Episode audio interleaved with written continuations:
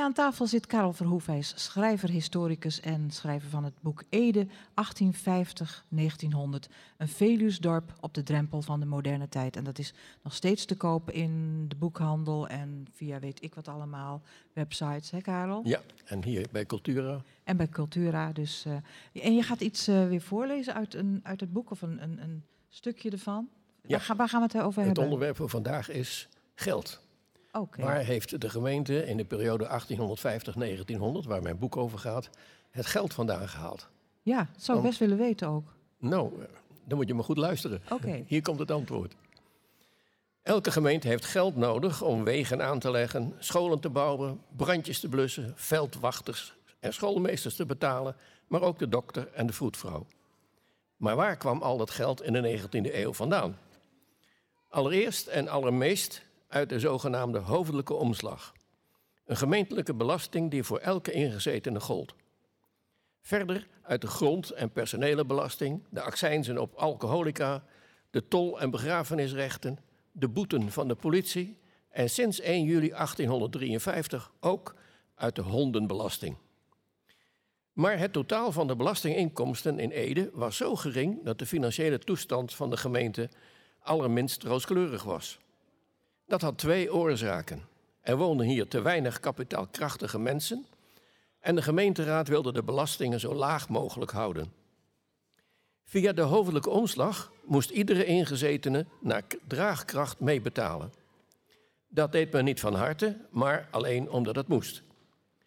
Afhankelijk van ieders vermogen varieerde omstreeks 1850 het te betalen bedrag van 50 cent tot 50 gulden per jaar. Wie een onzuiver inkomen had van minder dan 150 gulden per jaar, was vrijgesteld.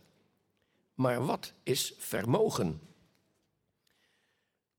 De gehanteerde criteria waren iets wat willekeurig. Men kreeg bezoek van een gemeenteambtenaar. Die keek naar de huurwaarde van de woning, naar het aantal ramen en deuren, naar de waarde van het meubilair, naar het aantal dienstboden, naar het bezit van paarden, maar ook naar, zoals het heette, elks meer of min kostbare levenswijze. En niet iedere inwoner stelde deze ambtelijke pottenkijkerij op prijs. De bestuurders op het platteland bemoeiden zich op een nogal indringende manier met het gezinsleven en ieders uitgavenpatroon. Zij meenden zich een oordeel te kunnen aanmatigen over de levenswijze en het huishouden en dus over de draagkracht van de belastingplichtigen. Inbreuk op de privacy noemen wij dat tegenwoordig. Geen wonder dat er nogal eens geprotesteerd werd tegen de hoogte van de aanslag. In menige raadsvergadering moest de raad flink wat tijd uittrekken voor de behandeling van bezwaarschriften. In 1850 was een van de bezwaarschriften afkomstig van Otto, baron van Wassenaar tot Katwijk, woonachtig in kasteel Hoekelum en destijds ongeveer de rijkste inwoner van de gemeente Ede. Hij schreef dat hij in verhouding tot anderen voor een niet onaanzienlijke som was aangeslagen, mede doordat hij opnieuw in een hogere belastingklasse was geplaatst.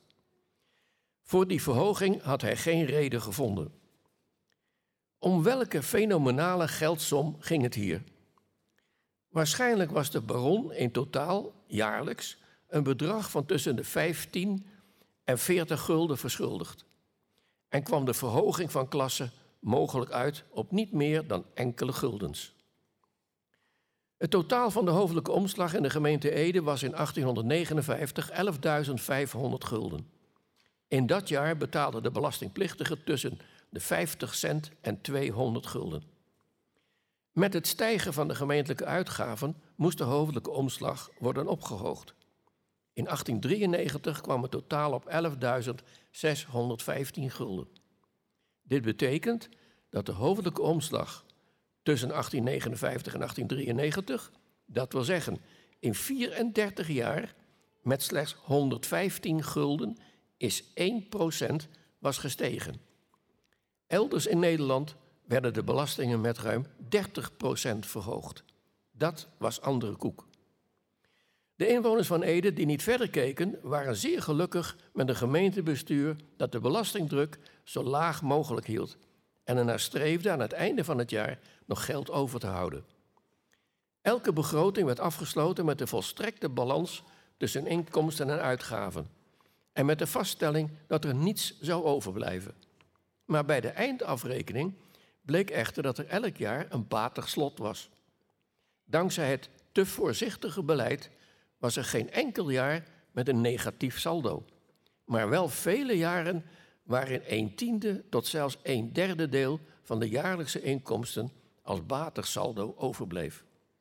Het was precies wat de Raad en BNW wilden. Evenwicht in de begroting en zo mogelijk een overschot. Over gemeentelijke investeringen in meer dan de strikt noodzakelijke infrastructurele verbeteringen en in projecten die de economie en de werkgelegenheid zouden kunnen aanzwengelen, daarover werd niet gerept. Men beperkte de uitgaven tot het allernoodzakelijkste. BMW probeerde destijds de belastingen zo min mogelijk te verhogen. En daar hadden ze twee redenen voor. Ze hoopten Ede aantrekkelijk te maken voor liefst kapitaalkrachtige migranten, met lage belastingen als lokkertje. Bovendien was het inkomen van de meeste Edenaren uiterst gering. Dat is waar, maar van de meer draagkrachtigen had veel, had veel meer gevraagd moeten worden. De Edese gemeenteraad volhardde echter in een uiterst zuinig uitgavenpatroon. Die overdreven zuinigheid blijkt overduidelijk uit de volgende gebeurtenissen. In 1895 stelde BMW voor om de opzichter van de gemeente een velocipede, een fiets, te verstrekken. De man zou dan per dag veel meer bezoekjes kunnen afleggen. De raad wenste echter geen fiets beschikbaar te stellen, zelfs geen 60 gulden voor de huur van een rijwiel. Het bleef bij een jaarlijkse reis- en verblijfkostenvergoeding van 30 gulden. Uitsluitend voor zeer grote afstanden en wanneer het belang der gemeente een snelle verplaatsing vordert. De ambtenaar moest de meeste bezoekjes lopend afleggen. Die zuinigheid had de gemeente en haar inwoners duur te staan kunnen komen. In 1886 en drie jaar later, 1889, was de toren van de oude kerk door de bliksem getroffen. Vandaar dat BMW, pas negen jaar later, voorstelden de toren van de kerk van een bliksemafleider te voorzien. Het voorstel werd door de Raad verworpen.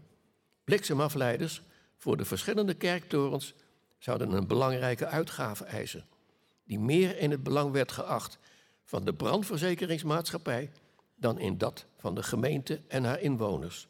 Dus geen bliksemafleiders.